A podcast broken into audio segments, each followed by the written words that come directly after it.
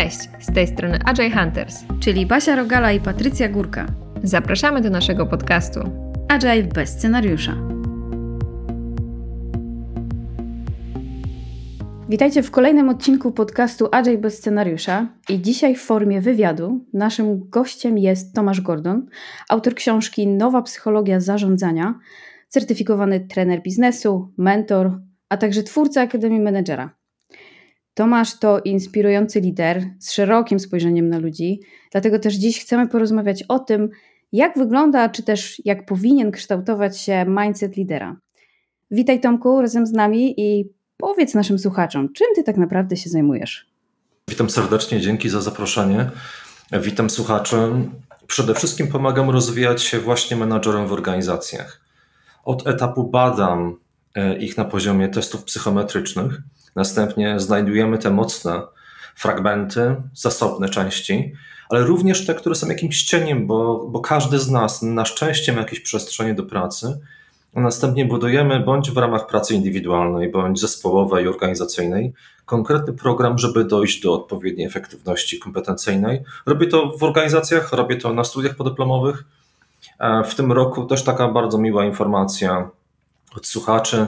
Mój kierunek, który funkcjonuje w paru miastach w Polsce, Bydgoszcz, Toruń, Warszawa, Katowice, jest najbardziej popularnym kierunkiem studiów podyplomowych, rozwijających kompetencje menedżerskie w naszym kraju. Podsumowując, koncentruję się na liderach, menadżerach, pomagam, żeby oni mogli bardziej efektywnie działać, żeby też osobom poniżej w tej strukturze pracowało się zdecydowanie lepiej.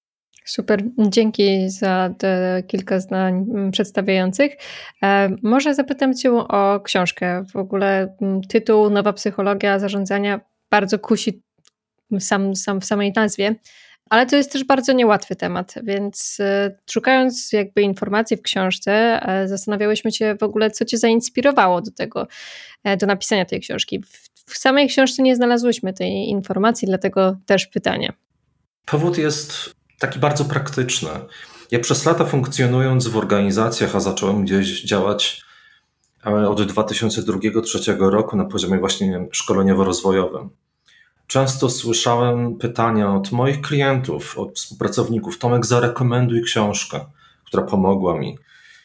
Za moimi plecami masa książek, często proponuję użyteczne tytuły, ale brakowało mi czegoś, co byłoby zwięzłe, konkretne, łączyłoby najważniejsze wątki, które teraz są szczególnie potrzebne. E, bazowałyby na, pewnym, na pewnej tradycji zarządzania, bo, bo chociażby w nowej psychologii zarządzania są wątki przeszłościowe, ale ubrane we współczesne ubrania, czyli na przykład analiza transakcyjna we wstępie, który nazywa się w pierwszym rozdziale, który nazywa się fundament, Ciężko budować coś no, nowego, jeżeli nie korespondujemy z tym, co było wcześniej. Więc ta książka właśnie buzuje na tym, co było, co jest. Czyli na takich fundamentach psychologicznych odnośnie zarządzania.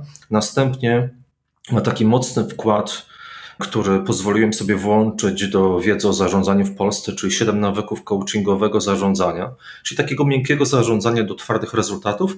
I na koniec jest, jak to wszystko połączyć, czyli to, co było, to, co jest, skuteczne działania menedżerskie, rozdział implementacja, który pozwala podnieść efektywność i zmniejszyć czasochłonność procesów rozwojowych w firmach, bo to często słyszę. Tomek, ok, jest wiele narzędzi, ale my nieraz nie mamy na nie pieniędzy bądź nie mamy czasu. Więc takim moim głównym celem było to, żeby zebrać wszystkie te moje doświadczenia ostatnich 20 lat, bazując na tym, co było, ubrać to mm, w nowe takie takie użyteczne dla współczesności ubrania, pojęcia, doświadczenia, dodać nowe elementy, które są wynikiem moich badań, chociażby testem psychometrycznym Master Person Analysis i dać metodę, która skraca procesy rozwojowe, żeby menadżerowi mogli się rozwijać i również zespoły, co jest też ważne. Ta książka nie jest tylko dla szefów. Ta książka jest również dla osób, które chcą bardziej efektywnie sobą zarządzać, E, na początku książki wspominam cytat, który bardzo często przyświeca mi w działaniach zawodowych. Powiedział o nim Kowej, autor siedmiu nawyków skutecznego działania. Nie ma zwycięstwa publicznego, zanim nie nastąpi zwycięstwo prywatne. Czyli pierwszy krok, żeby zarządzać innymi, to nie jest kupię sobie albo dostanę kubek, jestem menadżerem, wrzucę go na stół i to będzie powodowało, że za, zarządzam skutecznie. Nie. Kiedy ja potrafię zarządzać sobą, kiedy ja jestem samoświadom tych zasobnych części i tych, które są delikatnie jeszcze potrzebne do rozwoju, jakichś mniej zasobnych, wtedy staję się liderem. Dzięki bardzo za to. Uśmiechałyśmy się po drodze, bo myślę, że obie z Basią mamy ten cytat podkreślony w Twojej książce e, i możemy z czystym sumieniem powiedzieć, że taka wiedza w pigułce, wszystko to, co powiedziałeś, faktycznie to jest bardzo cenne doświadczenie zebrane w jednej nie bardzo czasochłodnej pozycji do przeczytania. Nie pamiętam, ile tam jest tych stron, ale faktycznie to jest taka pigułka, pigułka wiedzy. Jeżeli, jeżeli pozwolicie, dodam coś, to jest bardzo ważne. Thomas Jefferson, prezydent Stanów Zjednoczonych, powiedział, że naj, naj, największa kompetencja człowieka biznesu, lidera biznesu czy polityki to umiejętność napisania czy powiedzenia w ramach jednego zdania to, na co inni potrzebują elaboratu. Mi zależało, żeby to było zwięzłe. Im bardziej my konkretni, wy, ja, nasi słuchacze, tym po, po, potem kaskadowo schodzi to w dół do pracowników, współpracowników, ale również klientów. Nie ma bardziej cennego zasobu niż czas. Jeżeli nadmiernie rozciągamy w czasie nasze zaangażowanie, to psychologia wskazuje na to, że niestety zmniejsza to często efektywność danego zaangażowania. Bardzo zależało mi na tym, żeby książka była maksymalnie zwięzła i konkretna. Często słyszę, że tam jest samo to takie, mówiąc kolokwialnie, mięso zarządcze. Nie chciałem, żeby tam były rzeczy roz, rozwadniające, bo to często jest takim elementem zakłócającym, niekoniecznie dobrym do, do rozwoju. Dzięki, że to powiedziałeś, bo dokładnie to mi przyszło na myśl po, po wcześniejszym właśnie podsumowaniu tego, co Cię tam zainspirowało. Um, ja myślę, że ta książka świetnie pokazuje to, co wspomniałeś właśnie o tym połączeniu z tradycją, bo tam tak naprawdę nie ma rocket science takiego e, super wymyślonego, ale to jest tak poukładane, że aż wręcz chcę Ci podziękować za to, że, że miałeś właśnie ten moment i napisałeś, bo ja uważam i sama z niej korzystam, że jest to bardzo dobre podsumowanie wielu pozycji. I tak powiedziałeś o tej tradycji, to mm, pomyślałam sobie o tym, że rola lidera, ro, rola menedżera w czasie, w ostatnich dziesiątkach lat się zmienia. Pracujemy z innymi ludźmi, środowisko jest inne, inaczej wyglądają produkty, nad którymi pracujemy, inaczej wyglądają firmy, w których jesteśmy osadzeni. Kim jest według Ciebie właśnie ten współczesny menedżer, współczesny lider i z jakimi zespołami się musi mierzyć? Pierwsza rzecz, która przychodzi mi do myśli, to osoba odważna. Bo trzeba mieć konkretne cechy, ale niekoniecznie z którym się przychodzi na świat, żeby wejść w buty lidera. Do tego też można dorosnąć. To też może na nas trafić gdzieś tam w rozwoju działań zawodowych. E, moje przekonanie odnośnie zarządzania jest takie, że my możemy się nim stać. To znaczy, nie jesteśmy nim tylko i wyłącznie przez to, że mamy jakieś, przedane cechy na poziomie genów, socjalizacji, etc. Pewnie o tym wiecie, że w 50% jesteśmy zbudowanym już organizmem na poziomie zasobów, pewnych predyspozycji. To są geny. Tego w dużej mierze nie zmienimy, a to jest pewna rzecz, która jest dana w cudzysłowie topaczności. W 25% socjalizujemy się przez wzrastanie, szkołę, potem jakieś doświadczenia już takie zawodowe. W 25% mamy wpływ na to, żeby cokolwiek jeszcze pozmieniać.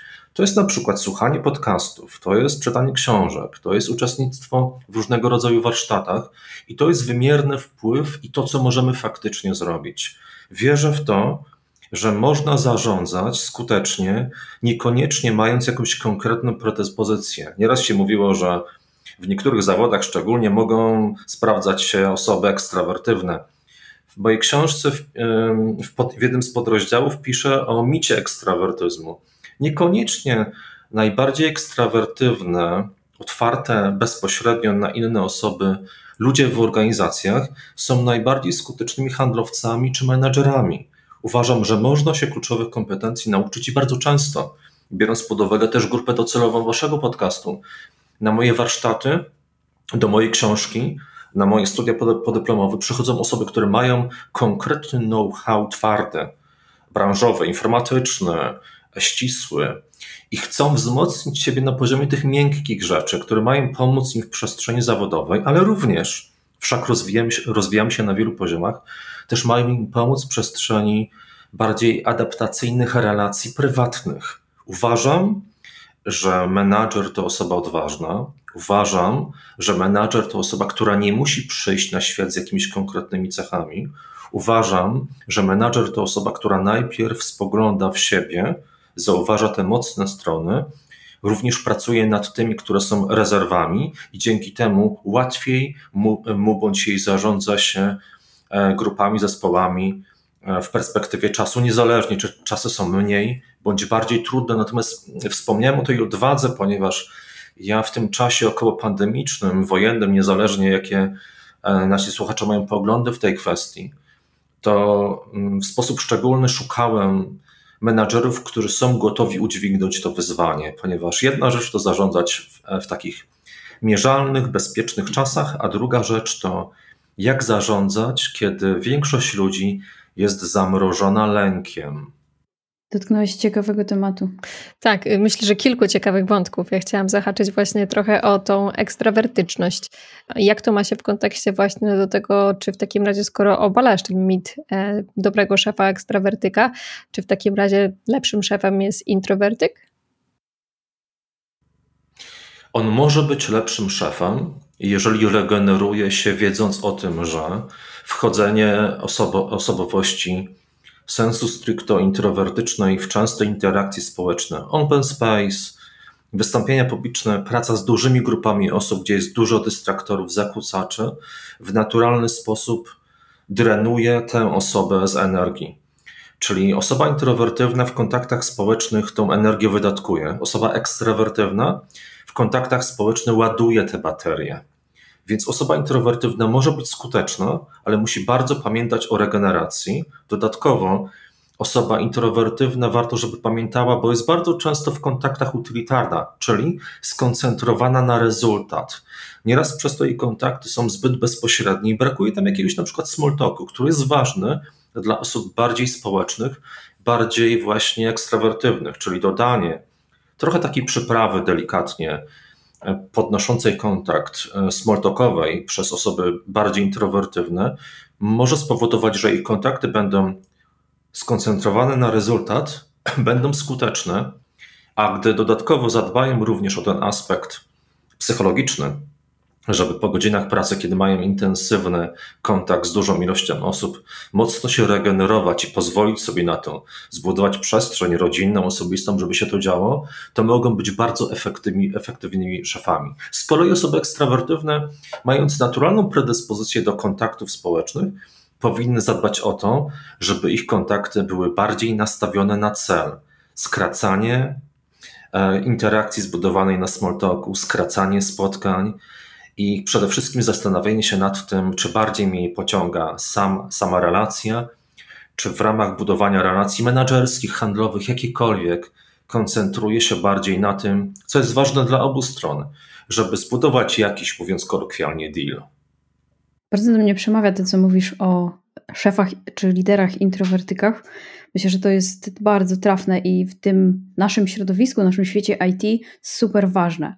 Ja bym chciała jeszcze cofnąć się jeden krok do tyłu do, do tego lęku, o którym powiedziałeś. Mm, nowa psychologia zarządzania, też e, bezpieczeństwo takie psychologiczne, lęk, to są rzeczy, które moim zdaniem bardzo się łączą, bo w swojej książce też dotykasz tego tematu, jak na tym właśnie poziomie współpracować z ludźmi, nie tylko jakich tulin używać, co trzeba robić i tak dalej, ale też jak o to zadbać. Jak, co byś powiedział właśnie w, w, tym kierunku? Jakby jak to wszystko z tym lękiem się wiąże? To, to, ta psychologia zarządzania z lękiem, którego do, doświadczamy teraz naokoło, myślę, że już kilka ładnych lat. Szefie, zadbaj o siebie. Pracowniku, zadbaj o siebie, ponieważ często mówię, że rozwój kompetencji jest ważny. Ja się na tym koncentruję w ramach moich warsztatów, studiów podyplomowych, w ramach też spotkań takich, gdzie jestem zapraszany do podcastów, kiedy piszę artykuły i przekazuję to know-how dalej. Natomiast e, te kompetencje są bardzo istotne, natomiast kiedy nie spojrzymy na siebie całościowo, nie spojrzymy też na siebie od tej ludzkiej, relacyjnej, rodzinnej, zdrowotnej strony, to być może będziemy bardzo skutecznymi szefami, ale przy okazji martwymi ludźmi. Czyli pierwsza rzecz to zadbanie o siebie całościowo. Ja w książce chyba cytuję jednego z menadżerów stopu Forbesa, kiedy go zapytałem, Czym Twoim zdaniem powinien się charakteryzować najbardziej skuteczny szef? On powiedział bez kozery, bardzo bezpośrednio: Tomek, on się powinien wysypiać. Niezależnie, czy robi bardzo dobre rzeczy, które przynoszą sukces, czy wokół jest dużo sytuacji stresogennych, on musi podejmować niełatwe decyzje awansu, a być może przesunięć bądź zwolnień, wraca do domu i śpi. Przez to ma większą siłę na kreatywne działanie, na zaangażowanie i dba o siebie na wielu poziomach. Dodatkowo, niedawno, niedawno ukazały się badania, które mogą szczególnie zainteresować słuchaczy waszego podcastu. Im bardziej szef jest sprawczy, to znaczy buduje sobie cele, potrafi efektywnie realizować, ale bez deformowania siebie w przestrzeni prywatnej, rodzinnej, zdrowotnej, tym żyje dłużej niż inne grupy zawodowe o 10 lat w zdrowiu psychicznym i fizycznym. Czyli jeżeli będziesz sprawnym szefem, a jednocześnie będziesz dbał o siebie, o swoje relacje, jest duże prawdopodobieństwo, że w jesieni życia nie będziesz latał od lekarza, czy latała, mówiąc kolokwialnie, od lekarza do lekarza, tylko będziesz cieszyła się tym życiem w zdecydowanie lepszym stanie Twojego umysłu i ciała. Więc, y, więc ten umysł i ciało może być, może być fajnym miernikiem tego, jak nam się dzieje teraz i co powinniśmy zrobić. A co do lęku, y, bez dwóch zdań, w tym czasie trudnym, ludzie wokół nas, to zauważam w teście psychometrycznym, którym badam osoby w organizacjach, bardzo przesuwają się w taką przestrzeń chęci zachowania status quo. Boję się, łaknę bezpieczeństwa. My szukamy szefów teraz, którzy pomimo tego lęku, który jest bardzo egalitarny, potrafi pomimo tego lęku podejmować niełatwe decyzje. E, I teraz być może nie jest to zbyt popularne z racji tej sytuacji za wschodnią granicą, ale potrafi działać trochę w ramach takiego rosyjskiego powiedzenia: kto nie ryzykuje, ten nie pije szampana. My szukamy osób odważnych, które nie są zamrożone, tylko w tych czasach trudnych potrafią podejmować e, wyzwania w przestrzeni swojej kariery, w ramach zarządzania i ważnych decyzji organizacyjnych, bo ten czas zawirowań jest oczywiście niełatwym czasem, ale jednocześnie jest czasem wielu szans biznesowych. Myślę, że tutaj ponownie super rezonuje ten cytat Koweja, który już raz przywołałeś, tak? Czyli najpierw musimy mieć to zwycięstwo e, prywatne, żeby mówić o zwycięstwie biznesowym. I tutaj jakby idąc dalej w ten, w ten wątek statusu quo, e, chciałbyśmy podpytać o to, bo obecnie często widzimy takie bardzo duże niezrozumienie roli liderów, szczególnie właśnie u tych, którzy tkwią w potrzebie takiej kontroli, chcą grać zawsze pierwsze skrzypce i zastanawiamy się, jak takie zespoły tak naprawdę mogą pomóc im wyjść z takiego sposobu zarządzania, mogą im pomóc jakby zespoły wesprzeć ich tą tranzycję, tą ich zmianę, żeby właśnie iść w tą nową psychologię zarządzania. Przede wszystkim to musi rezonować, dlatego uwielbiam takie słowo mm, naukowe relevantność, czyli jak bardzo to, co robię, rezonuje z drugą stroną. Jak jestem elastyczny, zauważam to i w odpowiedni sposób aplikuję dane zaangażowanie. Gdybyśmy mieli w tym momencie skończyć podcast i zostawić naszych słuchaczy z najważniejszą informacją. Skuteczny szef w odpowiedni sposób włącza działania wzmacniające. Nazywam to sponsorowaniem i w odpowiedni sposób włącza działania korygujące. W zależności od potrzeb organizacyjnych, w zależności od potrzeb psychologicznych, celów, które chce zrealizować. Czyli e, nie włącza zbyt dużego przesłodzenia, co często można zauważyć. Szef zbyt dobry, za bardzo empatyczny, ale przesadnie tak, że nie reaguje w momentach, kiedy powinien zareagować, a z drugiej strony nie szef, który przede wszystkim koncentruje się na takim mocnym, silnym zarządzaniu, w dużej mierze dyrektywnym, bo to może mocno wyrugować zespołu osoby bardzo kreatywne, w szczególności zbudowane na takim fundamencie podejścia pokolenia Z. Czyli w zależności od potrzeb wzmacniam tych, którzy szczególnie tego potrzebują. Wzmacniam chociażby w taki sposób, jak proponuje wspominany w mojej książce deals, żeby włączać od 4 do 5 komunikatów sponsorujących do rozmów z ludźmi, nie tylko pracownikami, ale dlaczego nie włączyć tego do kontaktu z dzieckiem, partnerem, członkiem rodziny, żeby on też dzięki temu, że buduje taki dobry kontakt, wzrastał. My często mówimy do naszych roślin dobre rzeczy i psychologia wskazuje na to i w ogóle nauka, że faktycznie coś się tam z nimi dzieje dobrego, że ta dobra atmosfera wpływa na ich wzrost. Dlaczego my tego nie robimy w, kontakt, w kontakcie z ludźmi najbliższymi czy ze współpracownikami? Czyli na przykład spotykamy się, rozmawiamy z naszym pracownikiem, mówimy: Jesteś dla mnie ważny.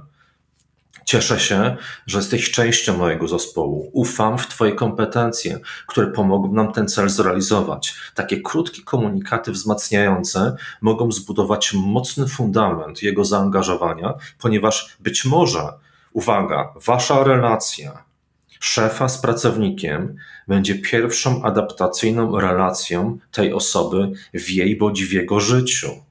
Więc na barkach szefa jest ogromna odpowiedzialność. Nie każdemu oczywiście trzeba dawać w, taki, w tak mm, szerokim stopniu to wzmocnienie, bo kiedy zbuduje się samoświadomość, kiedy zbuduje się samoocena, już te komunikaty mogą się pojawiać rzadziej. One są szczególnie istotne, kiedy ktoś startuje do zaangażowania. Ale potem musimy włączać się, żeby korygować, wskazywać granice, naprowadzać na dobrą ścieżkę, która jest skorelowana z celem zawodowym pracownika i z celem jego zaangażowania, za, zaangażowania zawodowego w ramach, w ramach działań i celów organizacyjnych.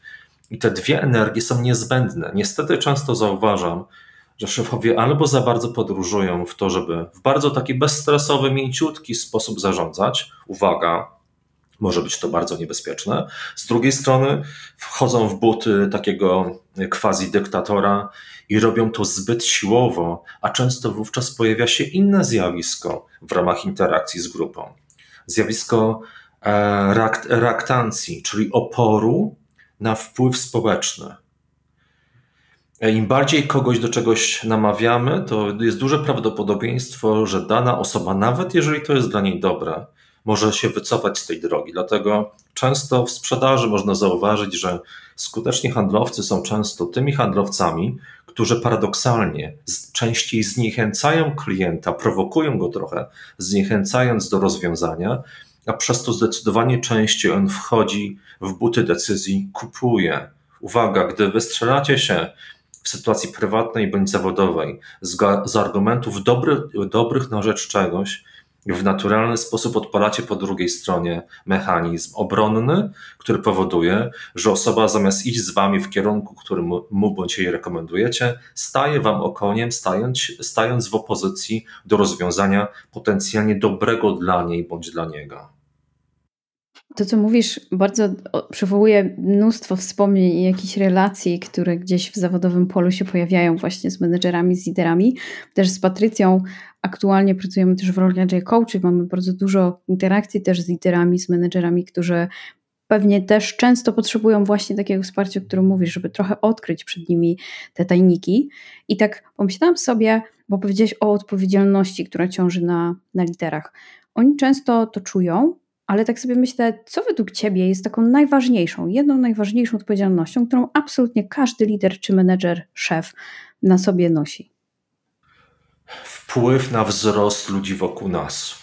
To najbardziej, bo my mamy ogromny wpływ na to, żeby ludzie wzrastali, a żeby pomagać im wybrać odpowiednią ścieżkę, żeby naprowadzić ich, e, żeby mogli osiągnąć sukces, a nawet żeby mogli nas przeskoczyć kompetencyjnie. To jest też odwaga szefa. Ja mam wiele osób, które, które podniosły swoje kompetencje w pewnych przedziałach, które również mam, kiedy je wspierałem i są teraz lepsze. Ja nigdy, kiedy jeszcze pracowałem w korporacjach, nie miałem w sobie lęku, żeby zatrudnić kogoś potencjalnie w przyszłości lepszego ode mnie. Dlaczego? Bo w naturalny sposób ja też chcę zmierzać do rozwoju. Więc my mamy taką trochę na zasadzie psychologicznego, samospełniającego się proroctwa taką odpowiedzialność, że jeżeli założymy, to będzie mierny pracownik, pewnie mu się nie uda, to my pewnie w dużej mierze będziemy włączali takie działania bądź wyłączali jakieś kluczowe działania, żeby właśnie tak się stało. Kiedy natomiast zadbamy o większość bądź idealnie byłoby wszystkich w taki sposób, jaki potrzebowaliby od nas. Na przykład przekazując im wzmacniające informacje zwrotne. Badania wskazują, o czym też wspominam w książce, że my potrzebujemy średnio takiej jednej informacji w ciągu tygodnia, niezależnie e, czy jesteśmy dłużej funkcjonującymi pracownikami, czy dopiero zaczynamy swoją drogę, uśredniając. To jest jeden wzmacniający, korygujący e, komunikat w ciągu tygodnia. najczęściej my niestety jako szefowie przekazujemy takie komunikaty dwa jedynie do roku. Więc ludzie do końca nie wiedzą, gdzie są, jakie mają zasoby, nad czym powinni popracować. Więc doświetlanie im tego jako, jako, jako um, przez te osoby, które są właśnie tej funkcji menedżerskiej, to, to ogromnie ważna rola i też ogromna odpowiedzialność, żebyśmy wspierając ich, mogli pomagać im we wzroście, ale jednocześnie nasze włączanie się, kiedy zauważamy, że pewne działanie niekoniecznie, która jest funkcją złe, złej ich intencji, może, może zaprowadzić ich bądź nas na manowce. Pewnie o tym słyszałyście, chyba też o tym wspominałem w książce. 23% osób w procesie zmiany nie przejdzie tego procesu. I to jest też odpowiedzialność szefa, żeby daną osobę przesunąć być może w inne miejsce, bądź nawet być może, jeżeli zrobiliśmy wszystkie niezbędne działania i mamy już wszystkie przesłanki, żeby taką decyzję podjąć, warto również w takim momencie podjąć decyzję być może o zwolnieniu. Ciekawe jest to, że po dwóch, trzech latach większość osób zwolnionych nie jest to przyjemne. Często zwalnianie i bycie zwolnionym w szczególności. To często te osoby zwolnione mówią, to był dobry moment w moim życiu, że ktoś powiedział mi na tym etapie koniec. Dzięki temu mogłem, mogłem się zmienić, rozpocząłem nowy etap niektóre osoby w naturalny sposób nie chcą opuścić przestrzeni status quo. Jeszcze jedna odpowiedzialność ważna, może kluczowa. E, pewnie wy, jak, jak również ja, tego jestem pewny. W dużej mierze pewnie też nasi słuchacze, dlatego też słuchają podcastu, chcą się rozwijać, mają konkretne cele, żeby te cele zrealizować. Natomiast prawda psychologiczna odnośnie motywowania ludzi bazuje czy mm, bazuje na tym, że niestety mniejszość ludzi motywuje się, żeby dążyć do pożądanych, progresywnych celów. Większość ludzi niestety, i to jest być może takie słodko-gorzkie odkrycie dla osób z tej kategorii, um, bardzo mocno motywują mnie cele. To słodko-gorzkie odkrycie brzmi: większość ludzi ruszy się z miejsca do, w drogę dobrą dla nich, jeżeli może stracić to, co jest dla nich w tym momencie ważne, bądź w przyszłości może to stracić. Czyli większość ludzi chce zachować status quo, łaknie bezpieczeństwa. I kiedy mówimy o celach, o, progres, o, jakimś tam y, progresie, najczęściej powoduje w nich to konsternację. Więc nauka szefa, żeby motywować pracownika w inny sposób niż sam lubi być motywowany, to według mojego doświadczenia prowadzę masę warsztatów, kiedy to zauważam, jest największym wyzwaniem menedżerskim, bo nie jest to łatwe, ale daje narzędzia takiemu szefowi, żeby działał w ramach tego przycisku motywacyjnego, który będzie musiał włączać najczęściej. Ludzi niestety motywuje ucieczka od bólu, ani dążenie do przyjemności, jak mówił Freud. Tak, tutaj e, poruszyłeś znowu bardzo wiele ciekawych wątków. E, zahaczę może trochę o ten feedback, e, bo powiedziałeś, że statystycznie wychodzi gdzieś, że taki szef czy menadżer daje feedback dwa razy do roku. I mm, z Twojego doświadczenia powiedz proszę, jak to wygląda pod względem jakości tej informacji zwrotnej? Czy to są, jak już ten feedback jest udzielany, to to jest feedback dobrej jakości? Mhm. E, niestety on często jest zwichrowany, to znaczy koncentruje się i tam nie ma znowu e, takiej pewnej, złej intencji szefa.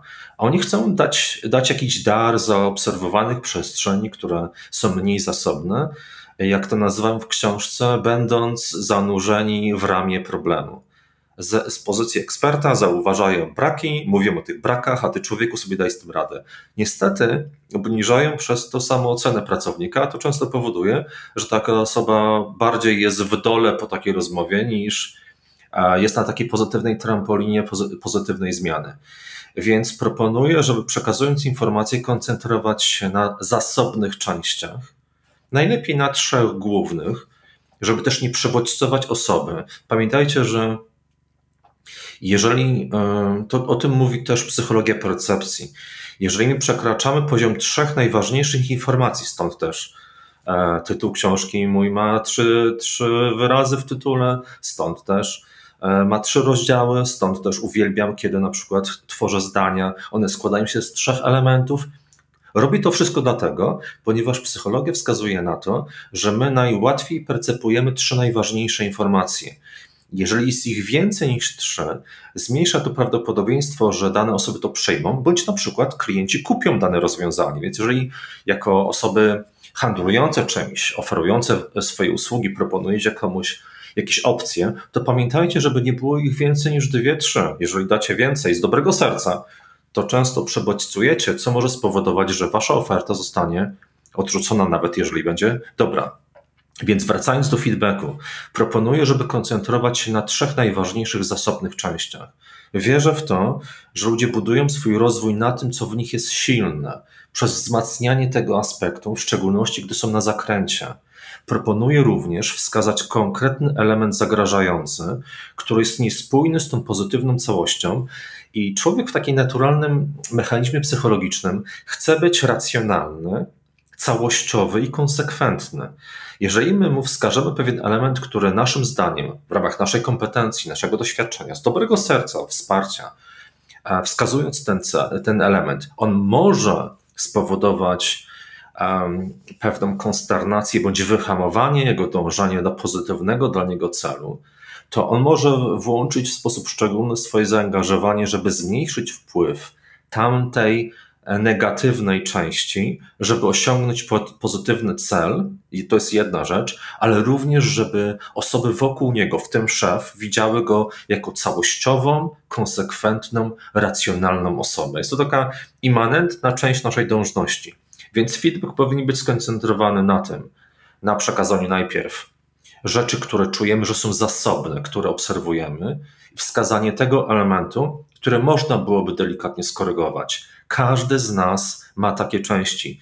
Najgorsza rzecz, którą nieraz słyszę, i to jest najbardziej smutne, kiedy rozmawiam z szefami. Nieraz niestety nadal to się zdarza, kiedy pytam, opowiedz mi o swoim zespole, kiedy słyszę od nich nieraz, nie mogę niczego dobrego o nich powiedzieć. Mogę ci przekazać katalog rzeczy, które moim zdaniem są nie ok, ale nie mogę wskazać niczego dobrego. Być może w takim momencie jest to informacja dla szefa, że powinien włączyć refleksję, posłuchać podcastu, na przykład tego, który teraz nagrywamy, przeczytać książkę, jedną, drugą, trzecią, rozpocząć warsztaty mocniejszego wglądu, rozwoju kompetencji, bo jeżeli szef nie widzi w swoim zespole zasobnych części, to powinien raczej rzucić papiery i tym zespołem nie zarządzać. Dziękuję Ci bardzo, że przywołałeś to, co dobrego u Ciebie. To pytanie, które, którym otwierasz wręcz książkę. Przypomniałeś mi też to, że to pytanie zrobiło bardzo dużą różnicę w moich zespołach. Jak tylko usłyszałam, bo najpierw usłyszałam audiobooka Twojej książki, potem przeczytałam jeszcze raz.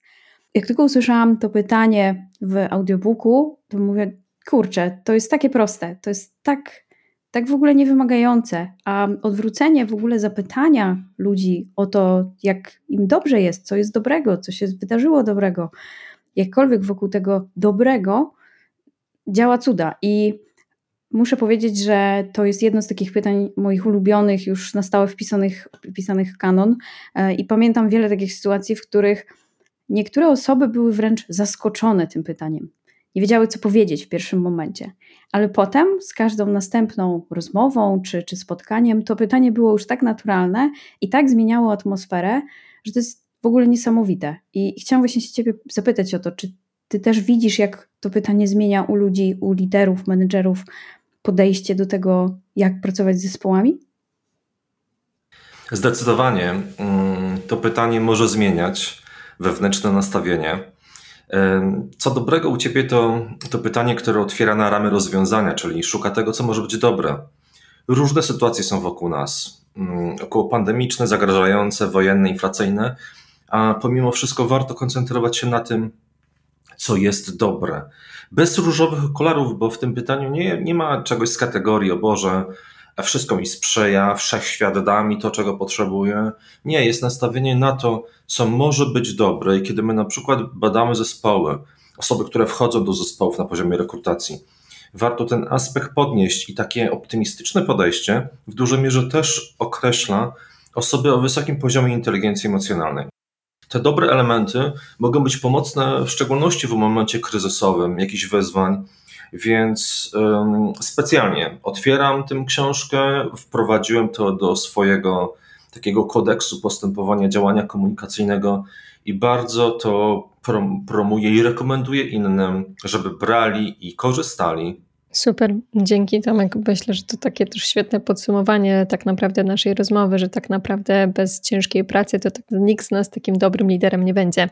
Dzisiaj porozmawialiśmy sobie trochę właśnie o tym, kim jest współczesny lider, jakie są odpowiedzialności przed takim liderem stawiane. Zahaczyliśmy troszeczkę, może nie wprost, ale o analizę transakcyjną i o też kilka innych fajnych pojęć czy testów e, psychometrycznych, o których też wspominasz w swojej książce, więc do tej książki na pewno naszych słuchaczy odwołujemy, zachęcamy do przeczytania.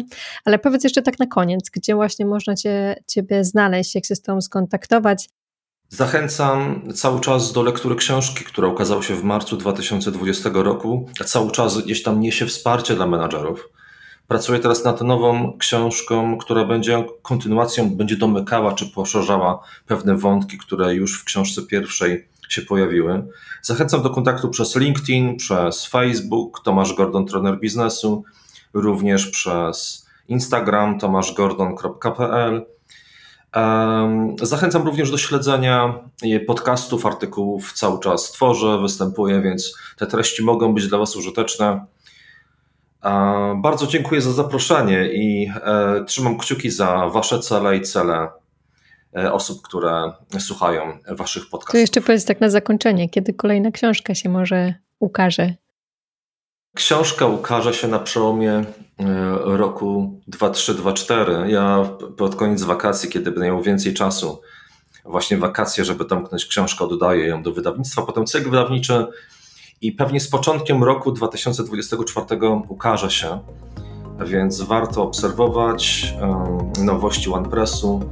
Mam nadzieję, że, spo, że spotka się z podobnym pozytywnym odbiorem jak książka Nowa Psychologia zarządzania. Super, dziękujemy Ci bardzo. Już nie możemy się doczekać, jeszcze tylko rok, ale to szybko zleci. Naszym gościem dzisiaj był Tomasz Gordon, autor książki Nowa Psychologia Zarządzania, gdzie jeszcze raz zachęcamy do, do zakupu, do przeczytania książki. My Wam bardzo wszystkim dziękujemy za odsłuchanie dzisiejszego odcinka i zapraszamy jak zawsze do podzielenia się feedbackiem. Jak Wam się podobał odcinek, jakie macie pomysły na kolejne może odcinki z naszej strony, albo z kim chcielibyście usłyszeć naszą rozmowę. Dziękujemy bardzo. Dziękuję bardzo. Do usłyszenia.